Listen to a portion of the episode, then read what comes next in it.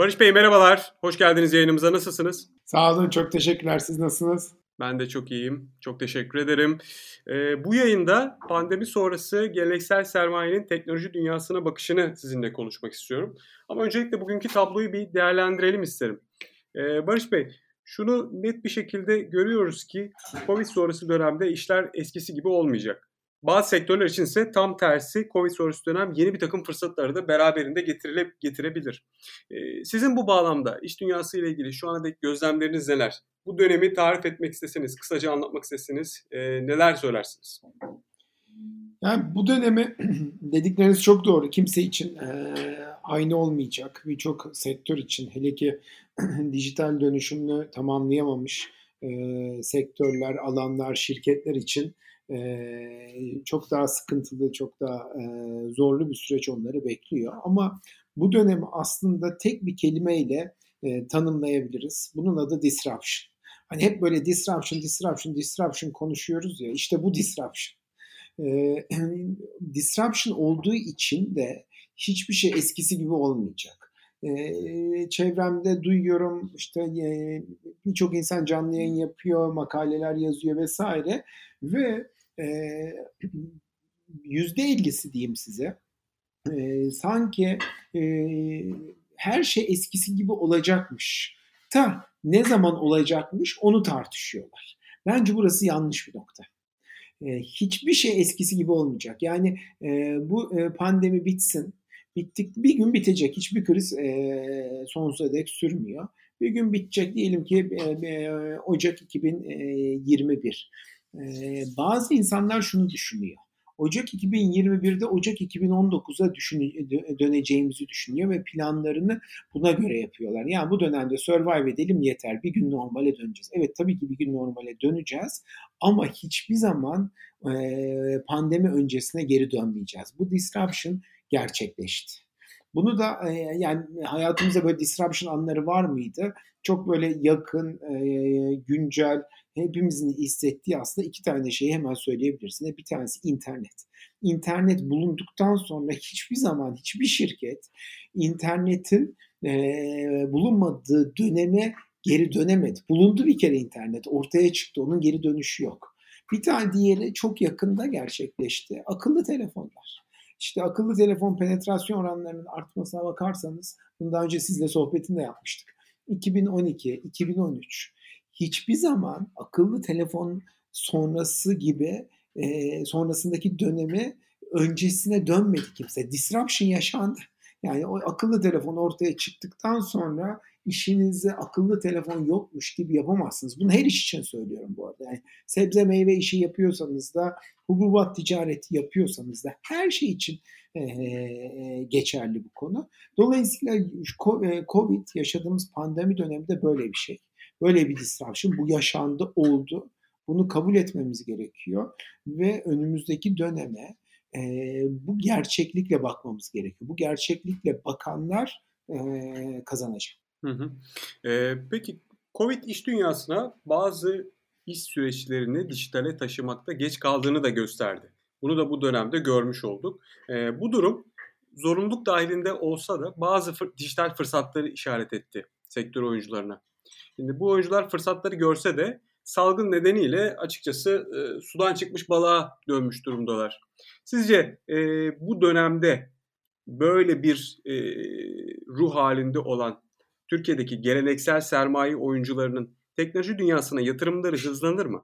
Siz hangi alanlarda fırsatlar görüyorsunuz? Şimdi önce hızlanır mı'nın cevabını vereyim. Ee, hızlanması gerekli hızlanması zorunlu. Başka seçenekleri yok. Başka çareleri yok. Ama e, hızlanır mı göreceğiz. E, çünkü e, aslına bakarsanız 3 sene önce de 5 sene önce de sizle sohbet e, ediyorken benzer şeyler konuşuyorduk.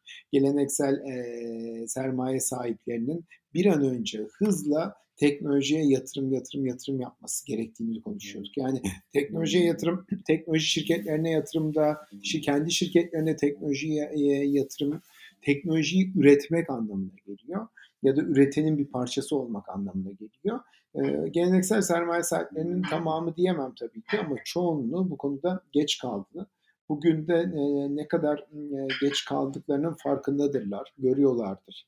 Bu süreç hızlandıracak mı e, bu yatırımları? Bence evet. Biraz önce bir, bir arkadaşımla konuşuyordum. Oldukça büyük bir teknoloji şirketi sahibi. Çok güzel bir örnek verdi. Ben dedi bir daha dedi e, ofise dönmem. Yıllardır dedi bir şey olduğunda beni arayın, sorun, WhatsApp'tan mesaj atın diyordum. İlla ofise gitmemi bekliyorlardı. Ya benim ofise gitmeme gerek yok. Bak Zoom diye bir şey var. Video konferans diye bir şey var. Hemen söyleyin yapalım 10 dakika 15 dakika yapalım diyordum. Kimse yapmıyordu, kimse kullanmıyordu. Şimdi hepimiz hayatlarımızı buradan yönetiyoruz. Bütün işimizi buradan yönetiyoruz. Bir daha da evde ofise gitmem dedi. Herkes dedi evinden çalışır, keyif aldığı yerden çalışır. Şimdi bu şu anlama geliyor. Yani teknolojinin içinde bile bazen dönüşümü e, e, yaşamak, yaratmakta e, zorlanıyorsunuz hakim olsanız bile. Böyle majör bir etki gerekiyor. Böyle majör bir disruption gerekiyor. İşte bu, bu dönemde oldu bu. Dolayısıyla o geleneksel sermayedarlar da teknoloji belki e, şu, benim gördüğüm e, geleneksel sermayedarların bazıları teknolojiye birazcık hobi gibi bakıyordu. Yani para sadece geleneksel metotlardan re, kazanılır. Ee, ama evet paramızın da çok ufak bir kısmıyla teknoloji yatırımı yapalım. Biraz oyun oynamak gibi, biraz kumar oynamak gibi bakıyorlardı. Halbuki bu, bu kumar değil teknoloji dünyası. Bilakis yani gelecek burada, reel sektör bu e, ve gerçek ve paraysa konu para kazanılacak alanlar e, buralar ve şimdi onu e, görüyorlar diye e, düşünüyorum. O yüzden e, hızlanacak. Nereye yatırım yapılır e, sorusu e, yani tek başına şu alana, şu iki alana yatırım yapılır demek çok doğru olmaz. E, ama e, yani birkaç felsefik açıdan e, olaya yaklaşabilirim. Yani bir e, regülasyonun ya da doğal bariyerlerin olduğu e, sektörlere yatırım yapılır. O sektörlere teknolojik çözümler e, sunmaya, sunan şirketlere, e, girişimlere yatırım yapılır. E, çünkü bu e, disruption sonrasında birçok sektörün kendilerine e, kurmuş olduğu e, duvarlar, e, rekabeti önleyici bariyerler, e, regülatif e, bariyerler yıkılacak hatta yıkılmaya e, başlandı bile. Yani en basitinden e, çok böyle gözümüzde canlandırabileceğimiz e, bir şey bankacılık sektörü. Ya bakın bankacılık sektöründe hesap e, açmak için mutlaka ve mutlaka yüz yüze e, KYC yapmak yani e, müşterini tanımak e, zorunluluğu var bu Türkiye'de de vardı, dünyanın çoğu ülkesinde de var. Ve yıllardır aslında bizim gibiler şunu soruyor, niye böyle bir şey var? Yani şubedeki bir çalışanın yüz yüze doğrulamasına güveniyoruz. Niye ekranda bir video konferansta, canlı bir videoda yapılan doğrulamaya güvenmiyoruz? Neden elektronik imza gibi bir şey var, teknoloji var. Neden elektronik imzaya güvenmiyoruz da bir tane şubenin içerisine girip oradakiyle e, oradaki e, banka çalışanı yapan görüşmeye e, güveniyoruz. Ama bir şekilde bu regülasyonlar e, işte geleneksel işlerin, geleneksel sermayenin yanında onları da e, koruyucu bir şekilde bugüne kadar gelmişti. Ve bugün ne oldu? O şubelere gidemediğimiz, sokağa çıkamadığımız e, bir dönemin içerisine düştük. Ve bir anda bu dönem hızla bu değişimlere başlıyor. Bütün dünyada başlıyor. E, yüz yüze KYC'ler dijital KYC dönüyor. 5 yıl önce de dönebilirdi. Bugünün konusu değil. Teknoloji fazlasıyla yeterliydi. Daha bile güvenliydi. Ama bugün dönüyor. E, işte e, sağlık e, sektörünü düşünün. Sağlık sektöründe uzaktan e, danışmanlık, uzaktan teşhis, uzaktan tanı e, yasal olarak mümkün e, değilken yine birçok ülkede şimdi bunun önü açıldı. Birçok ülke çok hızlı regülasyonlarını değiştirdi ya da bazıları tamam bu dönem yapabilirsiniz görmeyeceğiz bunu dedi. Bu dönem yapabilirsiniz görmeyeceğiz bunu demek bir sonraki aşamada bununla ilgili regülasyon da gelecek. Sadece regülasyon hıza yetişemiyor demek. E şimdi emlak sektör. e, sürekli e, büyüdükçe e, kişi sayısı olarak, çalışan sayısı olarak büyüdükçe e, ofisinizi büyütmeniz gereken bir e, hayattaydık. Şimdi e, kişi sayısı büyüdüğünde ofis büyütür mü şirketler?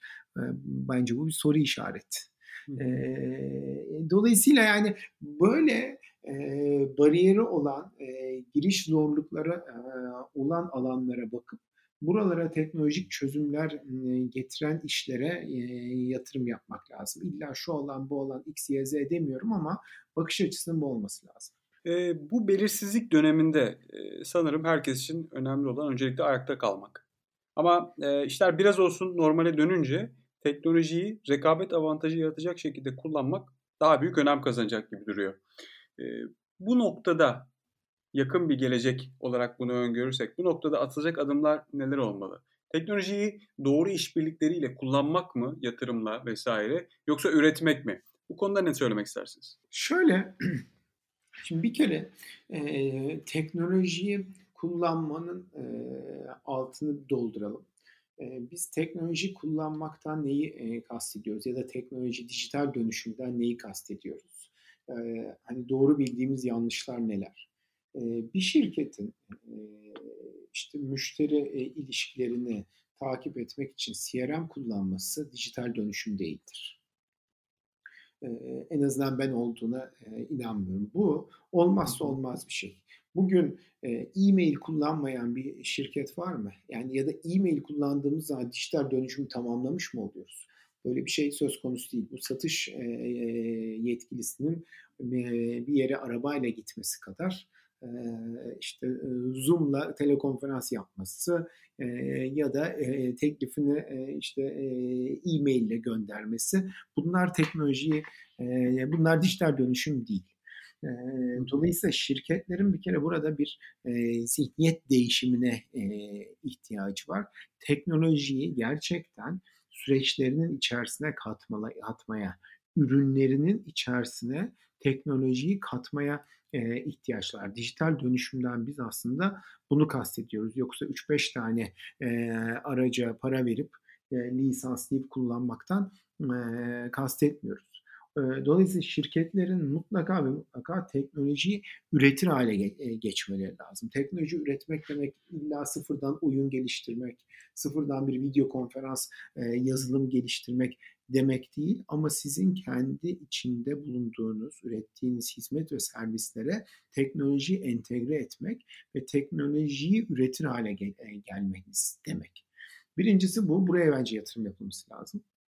E, ikincisi de tabii ki bu teknoloji üreten, core teknoloji üreten şirketlere yatırım yapmaları lazım. Başka türlü, başka bir üçüncü metot yok bence. E, teknoloji şirketlerine de yatırım yapmadan, teknoloji şirketleriyle ortak olmadan teknoloji dünyasını geleneksel sermaye bence tam anlamıyla anlayamayacak, içine giremeyecek. Teknoloji şirketlerine yatırım yapmanın da tabii ki doğal olarak iki tane metodu var. Bir tanesi girişim sermayesi yatırım fonlarına yatırım yaparak çok daha pratik ilerlemek. Bu hem finansal olarak bu yatırımların maliyetini, riskini çok düşürüyor, bilakis kazançlı hale getiriyor. Hem de çok pratik bir şekilde teknolojinin farklı farklı farklı alanlarına dokunuyorsunuz. Buradaki şirketlerle, startuplarla girift ilişkiler içerisine e, giriyorsunuz ve besleniyorsunuz ve ekipleriniz besleniyor. Dolayısıyla bence şu an Türkiye'deki girişim, e, Türkiye'deki geleneksel sermayenin öncelikli olarak girişim sermayesi yatırım fonlarına yatırım yapması lazım. En hızlı, en pratik giriş yerleri buralar. İkincisi kendileri tabii ki direkt yatırım yapabilirler. İkinci metot bu. Ama direkt metotta bence uygulanması gereken strateji e, belli ölçeği geçmiş kendileriyle direkt ilintili şirketlere direkt yatırım yolunu e, seçmeleri lazım. Fakat şu an teknoloji dünyasına girmek için e, farklı teknolojilere, farklı yetenekli e, insanlara yatırım yapar olmaları lazım. Onlarla kol kola girmeleri lazım. Sadece kendileriyle alakalı konulara değil. Şu an ihtiyaç e, teknoloji dünyasının böyle sonuna kadar, dibine kadar e, girmeleri. O yüzden benim e, tavsiyem e, yani yatırım bütçelerini ikiye ayırmaları. Bir, girişim sermayesi yatırım fonları üzerinden tüm teknoloji dünyasına yatırım yapmaları. Sonrasında bu dünya içerisinden gelen ve kendileriyle direkt ilintili işlere daha büyük ölçekte işte ikinci ya da üçüncü yatırım turlarında kendileri direkt e, yatırım yapabilirler. Hatta bir sonraki aşamada kendilerinin yatırımları için işte corporate venture capital dediğimiz sadece kurumsal kendi birebir fonlarını da kurabilirler ama erken aşama teknoloji şirketlerine ister kendi fonlarından olsun ister de kendi şirketlerinden e, yatırım yapmaları çok pratik değil, çok uygulanabilir değil. Bir de şunu da unutmamaları e, gerekiyor. E, kendi örnek vereyim size sağlık sektöründe e, yatırım yapacağım diyen bir firma işte e, sağlık teknolojilerine yatırım yapacağım diyerek bakabilir. Fakat bir yüz tanıma sistemi sağlık sektöründeki kullanımı bambaşka kapılar, bambaşka e, vizyonlar, olanaklar açıyor olabilir. Dolayısıyla yüz tanıma sistemine yatırıma e, bakmıyor olacak erken aşamada eğer direkt ben sadece sağlık teknolojisine yatırım yapıyorum derse. Halbuki girişim sermayesi yatırım fonları üzerinden giderse yüz tanımasından blok zincirine farklı farklı konularda besleniyor olacak ve kendisinde uygulama alanı olup olmadığını e, görüyor olacak. Peki son olarak şunu sormak istiyorum Barış Bey size.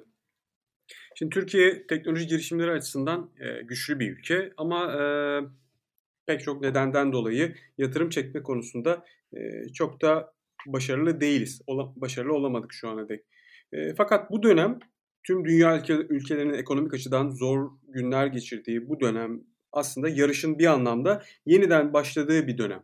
Dolayısıyla e, Türkiye girişim ekosistemi, aynı zamanda yatırım ekosistemi için e, bu dönem e, yeniden bir başlangıç e, ve e, bir anlamda e, güzel bir başlangıca vesile olabilir mi? Bu şekilde sorayım.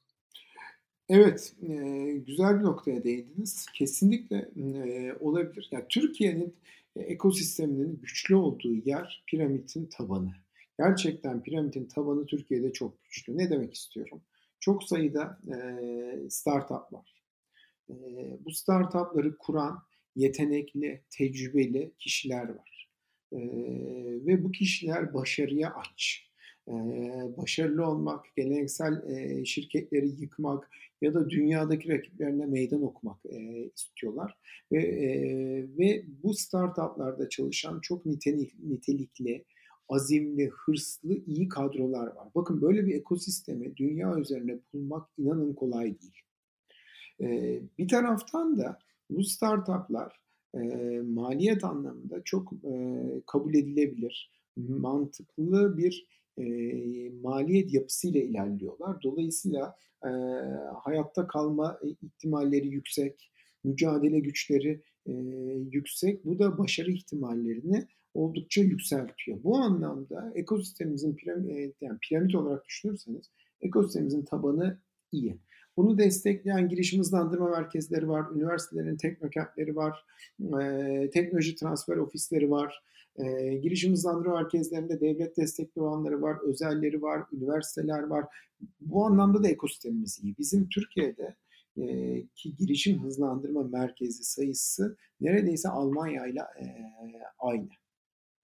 E, bu açıdan da piramidin tabanı iyi. Bizim sıkıntımız nerede? Bir üste çıktığında yani startup başarılı olup da ben ürün, ürünümü üretiyorum, ekibim var, e, şimdi büyüme için e, bana para lazım dediğinde bir üst aşamaya piramitte geçtiğinde orası piramit şekli gibi ilerlemiyor. Ama orası bir anda daralıyor çünkü Türkiye'de müthiş bir fon kıtlığı var. E, bu startuplara, bu iyi teknoloji şirketlere, girişimlere e, para akışında e, ciddi anlamda sıkıntı var. dünyadaki örneklerine bakarsanız da erken aşamada, burası hala erken aşama, fikir aşamasını geçmiş ama hala erken aşama yatırımı. Bu aşamadaki yatırımlara her, bu aşamadaki şirketlere her zaman yerel sermaye yatırım yapıyor. Yerel fonlar yatırım yapıyor, yerel sermaye yatırım yapıyor, devletin ortak olduğu yerel e, girişim sermayesi fonları e, yatırım yapıyor ama yerel yapıyor. Niye? Bu bir ayrımcılıktan değil, bazen o da yanlış konuşuyoruz. E, bunun aslında çok anlamlı bir sebep var. Siz bugün 500 bin dolar, 250 bin dolar yatırıma ihtiyacınız var ise İngiltere'deki fonun gelip burada o yatırım yapmasının maliyeti astarı yüzünden pahalıya geliyor. O yüzden erken aşamada yani küçük yatırım tutarlarına ülkeler arası yatırım bulmak çok zor. Düşünün bugün 250 bin dolar yatırım yapacak bir fon Türkiye'ye gelecek. Bunun için Türkiye masası açması lazım. Yani Türkiye'nin hukuk sistemini bilmesi lazım. Türkiye'deki fikri mülkiyet yasasını bilmesi lazım. Türkiye'de bir audit firmasına ihtiyacı var. Due diligence yapması lazım. Risklerini bilmesi lazım. Tonla işten bahsediyoruz. O yüzden bakmıyor. Bu hep dünyada böyle oluyor. Ama siz bugün 10 milyon dolar iyi başarılı bir işe 10 milyon dolar yatırım arıyorum diye. 40 milyon dolar yatırım arıyorum diye inanın onu bulmak daha kolay. Çünkü iş başarılıysa ve değerleme gerçekten oraya ulaşmışsa dünya üzerindeki bütün yatırımcılar gelir zaten buraya. Onda hiçbir sıkıntı yok. 10 milyon dolarlık yatırım yapmak için gelip burada 100 bin dolar maliyet harcarsınız. Ama 250 bin dolarlık yatırım yapmak için 100 bin dolar harcamazsınız. O yüzden de bizim yerel e, e, yatırım gücümüzü yükseltmemiz lazım ki o girişim ekosistemimiz piramit şeklinde alsın. Niye bu kadar detay anlattım? Şimdi fırsat var. O piramit şeklini alabiliriz. Geleneksel sermayenin e, bu disruption'la birlikte, içinde olduğumuz dönemle birlikte yatırım iştahının, teknoloji yatırım iştahının çok yükseleceğini e, öngörüyoruz. İster direkt yatırım yapsınlar, ister girişim sermayesi yatırım fonları üzerinden yapsınlar ama bu ekosisteme e, gelecek olan kaynak artacaktır. Artı sırf konu parasal yatırım da değil, teknoloji şirketleriyle işbirliği, teknoloji şirketleriyle şirketlerini süreçlerinin içerisine katma istekliliği de artacaktır. Dolayısıyla bu bizim ekosistemimizi, o tabanı güçlü olan ekosistemimizi yukarıya da piramit şekline doğru taşıyacaktır diye e, düşünüyorum. O yüzden girişimcilerin e, bu dönemde, sadece bu dönemden kastım yani e, şu önümüzdeki bir yıllık dönem diyeyim. Önümüzdeki bir yıllık dönemde e, normalde olduğundan da daha motive, daha agresif, daha istekli olmaları lazım. Onların dönemi yani. Barış Bey çok teşekkürler. Çok faydalı bilgiler verdiniz. Yayınımıza katıldığınız ve bu keyifli sohbeti benimle yaptığınız için çok çok teşekkür ediyorum. Ben teşekkür ederim. Çok sağ olun davetiniz için. Çok keyifli oldu. Umarım dinleyiciler de aynı şekilde düşünür.